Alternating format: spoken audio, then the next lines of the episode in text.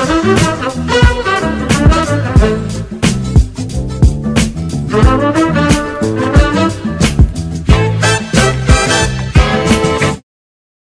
datang di Lini Podcast, ngobrol lebih dekat tentang gaya hidup sehat. Di edisi spesial Ramadan ini, mari kita kenal lebih dekat seputar puasa dan manfaatnya bagi kesehatan. Halo teman sehat, kembali lagi bersama saya Suci. Pada episode Lini Podcast sebelumnya, kita telah membahas bahwa kita perlu melakukan olahraga nih, walaupun kita sedang berpuasa. Ternyata juga ada tips and triknya untuk berolahraga saat berpuasa. Kalau teman sehat penasaran tentang pembahasannya, teman sehat bisa cek di Lini Podcast episode sebelumnya. Nah, pada hari ini kita akan berbincang tentang autofagi, suatu keunggulan puasa. Menjalani puasa memang banyak manfaatnya, baik dari segi psikis maupun fisik.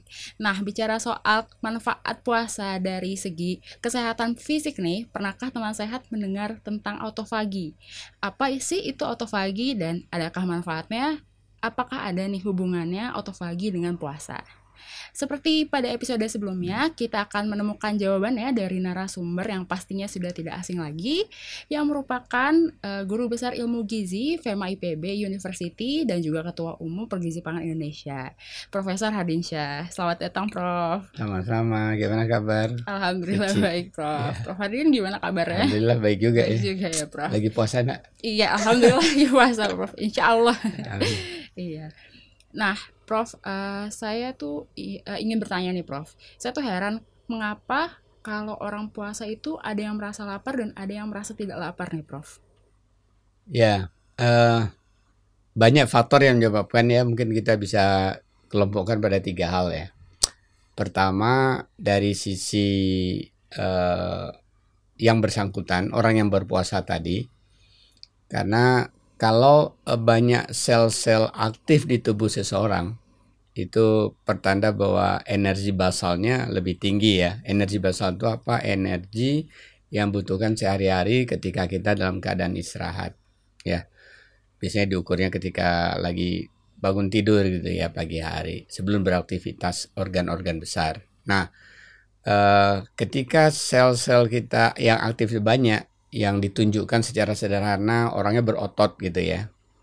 Berarti kan ini uh, pertanda bahwa dia memang banyak uh, cadangan glikogen tapi juga bahwa sel aktif tadi memerlukan lebih banyak uh, makanan ya. Hmm. Artinya uh, yang dibutuhkannya lebih banyak dibanding orang yang tidak berotot ya dengan usia yang sama misalnya ya.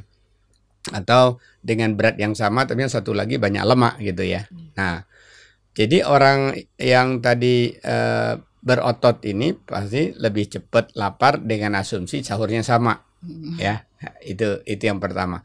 Kemudian yang kedua bisa juga karena uh, pengaturan makan di malam hari, terutama ketika sahur uh, kurang uh, apa ya, kurang sehat dalam tanda petik ya, kurang baik ya. Karena apa? Karena uh, bisa jadi pertama terlalu banyak uh, zat yang mudah untuk dicerna, eh, mudah untuk dikonversi, diubah menjadi gula darah, ya sehingga gula darah tadi cepat meningkat, cepat turun. Jadi karena ulah sahurnya, ya. Kemudian bisa juga sebenarnya karena aktivitasnya ya. Jadi uh, ada orang yang uh, habis subuh jalan, ya kemudian jalan kaki maksudnya atau atau barangkali aerobik online barangkali ya karena udah terbiasa barangkali. Kemudian uh, bekerja normal seperti biasa hanya pemerintah di bulan puasa lebih cepat pulang katanya gitu ya. Nah bisa jadi karena uh, energi yang dikeluarkan itu uh, tetap atau lebih banyak sementara yang diasup lebih rendah ya.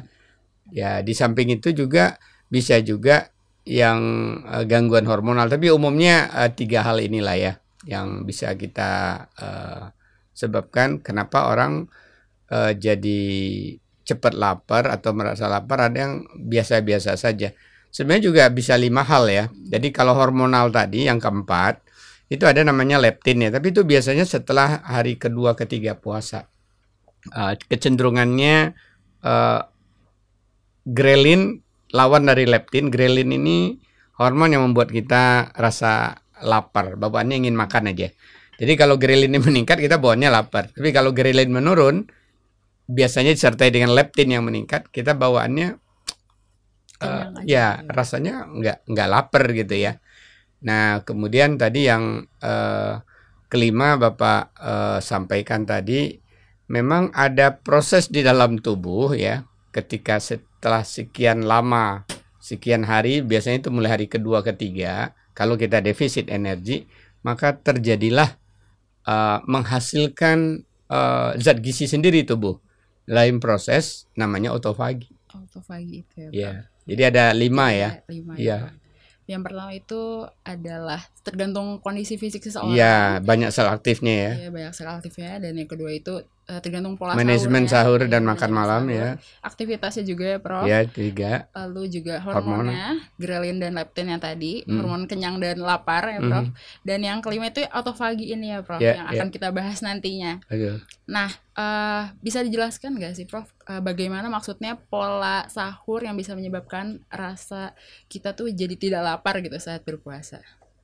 Ya, Pertama tentunya kalau uh, makanan-makanan yang lambat dicerna ya. Jadi artinya kalau karbohidratnya harus disertai dengan serat.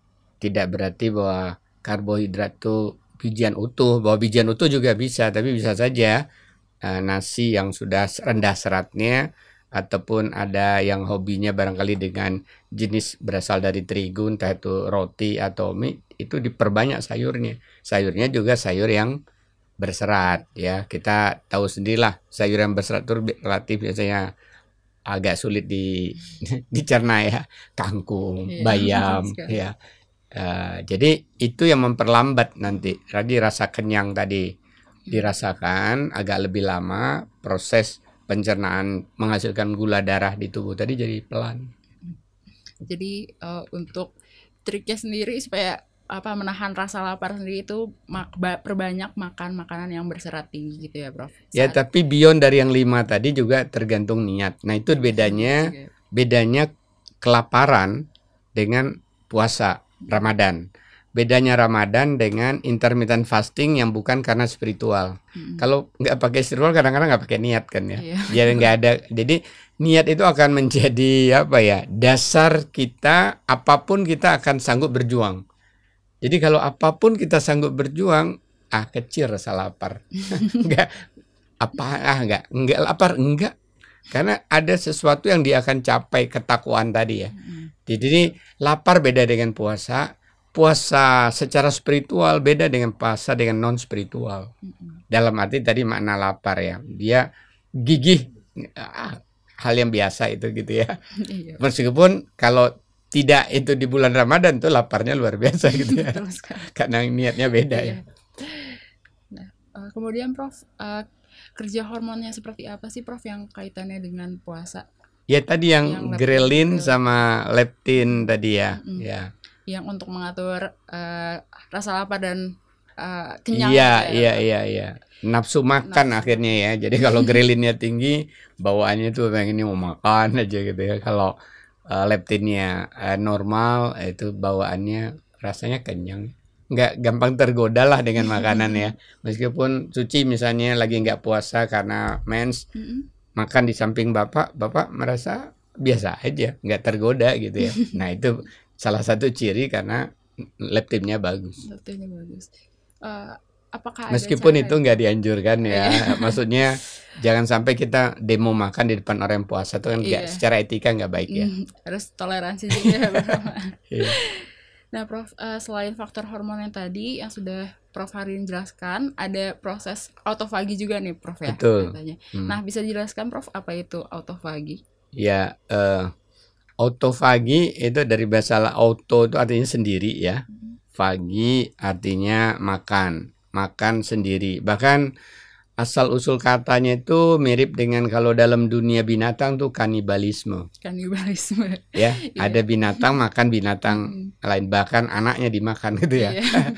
Jadi uh, itu pertama kali dimunculkan istilah itu tahun 1860 oleh seorang ahli fisiologi Perancis yang namanya uh, Anselmir hmm. dan uh, beliau tidak mempelajari tentang bagaimana uh, kaitannya dengan sel waktu itu, tapi uh, bahwa secara umum dia berpendapat sebenarnya di dalam tubuh ada kemungkinan seperti halnya dalam dunia nyata. Dalam kondisi tertentu terjadi uh, kanibalisme. Ada kemungkinan sel itu juga memakan sel. Nah, kenapa seorang seekor tikus memakan tikus yang lain atau anak tikus? Itu biasanya pertama karena lapar ya. ya, karena lapar. Sederhananya gitu ya. Nah, di dalam tubuh baru uh, tahun 1963 ya Christian de Duve ahli fisiologi Inggris yang membuktikan dan akhirnya dia dapat hadiah Nobel tahun 1974. Uh, kenapa dia dapat Nobel? Karena dia menemukan ada uh, struktur dan fungsi uh, di dalam sel yang disebut dengan ada fagosom sama ada lagi uh, lisosom. Ada dua uh, organel komponen di dalam sel yang dia temukan yang punya fungsi unik ya. Apa peran uniknya tadi? Jadi fagasom ini yang dia punya uh, kalau kita bicara kepiting hmm. kan keunikannya punya apa itu namanya uh, capitan ya, ya tangan yang mencapit ya. Nah fagosom ini uh, sel-sel yang kompo komponen ya di dalam sel substansi yang dia bisa melakukan uh, seperti itulah ya menangkap bisa menangkap ya itu terjadi dari membran ya selaput-selaput yang dikerjanya tadi dipengaruhi oleh ada gen namanya. Tapi itu uh, belakangan lagi ya ketahuan bahwa itu di, dipengaruhi oleh gen. Namanya autofagi related genes ya. Ada beberapa genes ada gen yang tadi menggerakkan ada gen yang memberi sinyal hmm. kepada siapa nih harus digerakkan. Hmm. wah luar biasa ternyata di dalam tubuh kita ya. Jadi misalnya uh, udah diberi tanda nih oleh gen tadi ini nih yang harus dimakan ini dimakan nih udah loyo ya ini penjahat nih ayo ditangkap ya jadi di dalam tubuh kita ini tuh ada eh, zat-zat uh, yang perlu dibuang perlu dihancurkan kalau dibiarkan itu bisa jadi patogen, bisa jadi racun ya. Kemudian di dalam tubuh kita juga banyak sel ketika kita bertambah usia apalagi udah dewasa. Kalau anak-anak belum ya uh, sel-selnya itu tambah tua, tambah loyo. Yang ini sebenarnya yang membuat kerja tubuh tuh nggak efisien ya. Jadi uh, ya bayangkanlah kalau banyak orang di suatu masyarakat tuh yang loyo-loyo yang nggak produktif kan? Yeah. sama di dalam tubuh kita kalau banyak sel yang loyo nggak produktif. Hmm. nah uh, Christian itu menemukan ada uh, tadi fagosom dan fungsi fagosom dan satu lagi lisosom. Lisosom ini yang ketika tadi sel-sel yang udah lansia atau nggak berguna kemudian ada sel-sel bakal jadi penjahat atau penjahat itu ditangkap jadi mirip juga kaitannya nanti dengan imunitas ini. Nah ditangkepin, kemudian setelah dia tangkap nih diapain? Nah ada zat namanya lisosom. Nah itu juga ditemukan oleh Christian. Uh, lisosom tadi, kemudian setelah ditangkap diserahkan ke lisosom untuk dihancurkan. Jadi kerjanya lisosom itu ngancurin. Nah kalau udah hancur apa yang terjadi? Nah itu kalau dalam dunia lingkungan namanya recycle. Hmm. Jadi zat-zat tadi terurai menjadi zat gizi, kemudian dilepas. Nah, itu jadi sumber zat gizi. Hmm. Jadi ketika orang lapar, sumber zat gizinya di samping tadi ada dari cadangan glikogen, ada cadangan lemak, ada yang disiapkan, dihancurkan oleh fagosom dan lisosom tadi hmm. dalam proses autofagi. Jadi kalau dia disuplai zat gizi, kalau glikogen kan hanya energi. Hmm. Padahal kita nggak hanya butuh energi kan, perlu zat gizi yang lain. Kalau cadangan lemak, ya hanya asam lemak nanti di, diproses juga jadi energi kan, glukosa. Padahal kita butuh vitamin mineral itu jadi setiap sel tadi kan punya mhm. berbagai zat gizi. Patogen juga itu juga mengandung zat gizi ya. Uh, di, jadi semua itu dihancurkan, direproduksi gitu ya, di recycle. Luar biasa keindahan tubuh kita. Nah, sampai Christian tuh dapat hadiah Nobel tahun 74. Nah, kaitannya dengan puasa mau tahu ceritanya ya, itu kan tadi jadi rahasia uh, bagaimana terjadinya autofagi kaitannya dengan puasa itu baru tahun 90-an, persisnya 1992 itu baru dipublikasi ya oleh seorang Jepang ya uh, Oshinori uh, Yoshinori Osumi. Publikasinya itu tadinya dia percobaan pada tikus ya. Jadi dia lihat melanjutkan penelitian uh, Christian, dia penasaran apa yang menyebabkan bisa otofagi ini diaktifkan karena ada orang ingin supaya otofaginya diaktifkan. Ternyata salah satunya kalau kondisi dilaparkan, hmm. ya kondisi puasa. Jadi tikus-tikus dipuasakan, ya. Kemudian dicermati tuh, ya dengan uh, Microsoft Electron apa yang yang terjadi. Ya, ternyata otofagi tadi di mana otofagosom jadi aktif. Hmm. Yang gen tadi yang disebut dengan otofagi related genes itu jadi mengaktifkan kerja fagosom, kemudian lisosom juga begitu fagosom aktif, lisosom aktif, dia berkolaborasi itu. Menghasilkan zat gizi dari sampah. Dalam tanda petik sampah ya. Uh, saya tidak bilang lansia itu sampah ini sel-sel tua ya sel ini yang saya maksud bukan bukan orang. Luar biasa ya. Luar biasa sekali prof. Nah, dan dia dapat hadiah Nobel hmm. ya. Tahun 2016 uh, Yoshinari Osumi dapat hadiah Nobel luar biasa ya. Mm-hmm. Siapa nanti yang mau jadi meraih hadiah Nobel hanya dengan puasa ternyata awalnya dari pendidikan tikus percobaan. Jadi kalau kita kreatif thinking banyak hal yang bisa kita ungkap. Mudah-mudahan dari Indonesia akan lahir penerima hadiah Nobel nanti. Iya, mudah-mudahan nanti ada yang meneliti lebih lanjut tentang autofagi atau puasa sendiri gitu ya, Prof. Iya. Kalau autofaginya udah kan. Udah ada. ada yang lain barangkali rahasia lain, ya. ya. Nah, uh, jadi autofagi sendiri tuh justru malah menghasilkan zat gizi lain ya Prof yang menyebabkan uh, tubuh itu sebenarnya tidak kekurangan energi gitu ya Prof. Iya tentunya dalam batas waktu tertentu ya. ya. Kalau setahun mungkin enggak ya. Karena udah iya. bersih kan. Nah ini erat kaitannya dengan detox. Nanti kita bicarakan. Ada topik khusus tentang detox kan ya. betul Oke. Okay. Puasa dan detox ya. ya.